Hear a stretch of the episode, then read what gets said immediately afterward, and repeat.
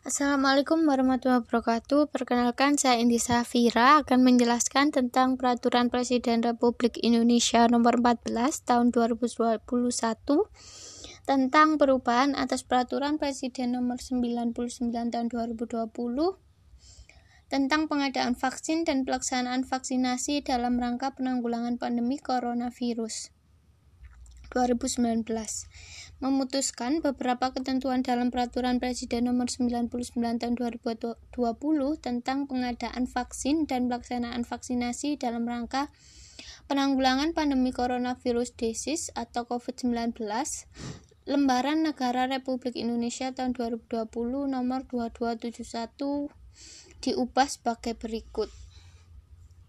Menetapkan satu, pelaksanaan pengadaan vaksin COVID-19 bagaimana dimaksud dalam pasal 3 dilakukan melalui SK nomor 084422A yaitu sebagai berikut. A. Penugasan kepada badan usaha milik negara. B. Menunjukkan langsung badan usaha penyedia. C. Kerjasama dengan lembaga atau badan internasional. Kemudian yang kedua, kerjasama dengan lembaga atau badan internasional sebagaimana dimaksud pada ayat 1 meliputi kerjasama dalam rangka penelitian dan pengembangan vaksin COVID-19, bekerjasama untuk penyediaan vaksin COVID-19 dan tidak termasuk peralatan pendukung untuk vaksinasi COVID-19. Kemudian ada peraturan Menteri Kesehatan Republik Indonesia nomor 84 tahun 2020 tentang pelaksanaan vaksinasi dalam rangka penanggulangan pandemi coronavirus disease 2019 memutuskan dalam peraturan menteri ini yang dimaksud dengan satu vaksin adalah produk biologi yang berisi antigen berupa mikroorganisme yang sudah mati atau masih hidup, yang dilemahkan, masih utuh atau bagiannya, atau berupa toksin mikroorganisme yang telah diolah menjadi toksoid atau protein rekombinan yang ditambahkan dengan zat lainnya yang bila diberikan kepada seseorang akan menimbulkan kekebalan spesifik secara aktif terhadap penyakit tertentu.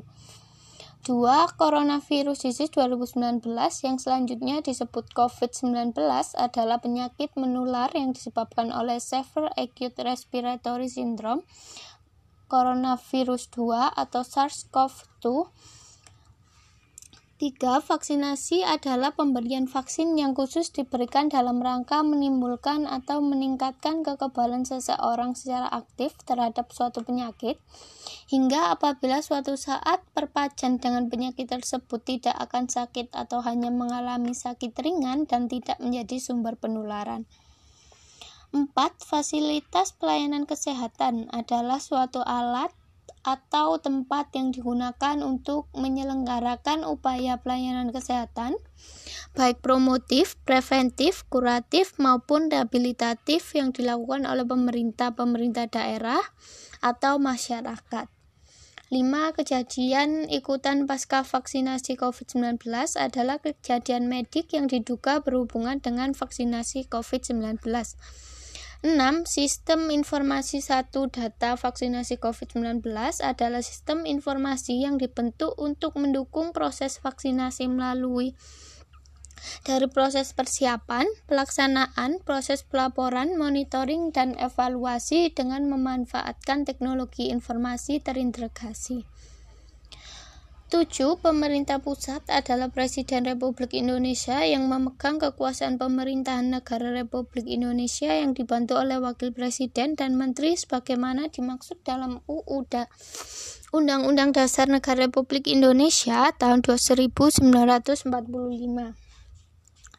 8. Pemerintah daerah adalah Kepala daerah sebagai unsur penyelenggara pemerintahan daerah yang memimpin pelaksanaan urusan pemerintahan yang menjadi kewenangan daerah otonom. 9.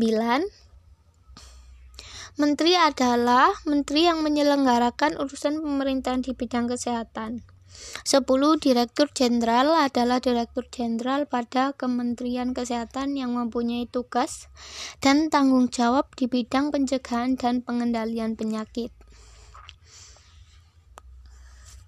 Kemudian peraturan Gubernur Jawa Timur nomor 53 tahun 2020 tentang penerapan protokol kesehatan dalam pencegahan dan pengendalian coronavirus disease 2019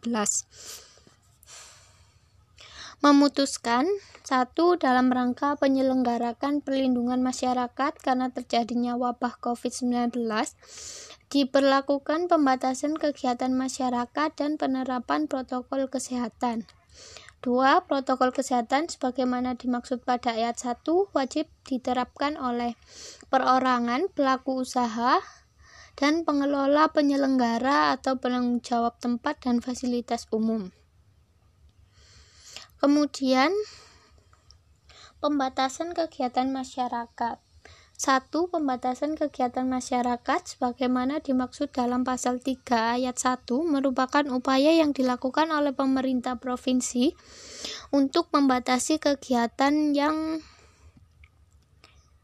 dilakukan warga masyarakat guna mencegah atau memutus mata rantai penyebaran COVID-19. 2. Pembatasan kegiatan masyarakat sebagaimana dimaksud pada ayat 1 meliputi pembatasan kegiatan masyarakat di tempat publik, pembatasan jam kegiatan masyarakat termasuk operasional kegiatan usaha, penutupan ruas jalan, dan pengisolasian skala rukun tetangga, rukun warga, dusun, hingga desa atau kelurahan. 3. Pembatasan kegiatan masyarakat sebagaimana dimaksud pada ayat 1 dilakukan setelah adanya penetapan oleh gubernur. 4. Gubernur mengkoordinasikan bupati atau wali kota dalam pembatasan kegiatan masyarakat sebagaimana dimaksud pada ayat 1. Peraturan Bupati Malang Nomor 57 Tahun 2020 tentang perubahan atas Peraturan Bupati Malang Nomor 20 Tahun 2020 tentang pedoman tatanan normal baru pada kondisi pandemi coronavirus disease 2019 memutuskan pasal 8A 1 yaitu pelaksanaan pembelajaran tatap muka dapat dilakukan setelah mendapat rekomendasi dari Dinas Pendidikan Kabupaten Malang.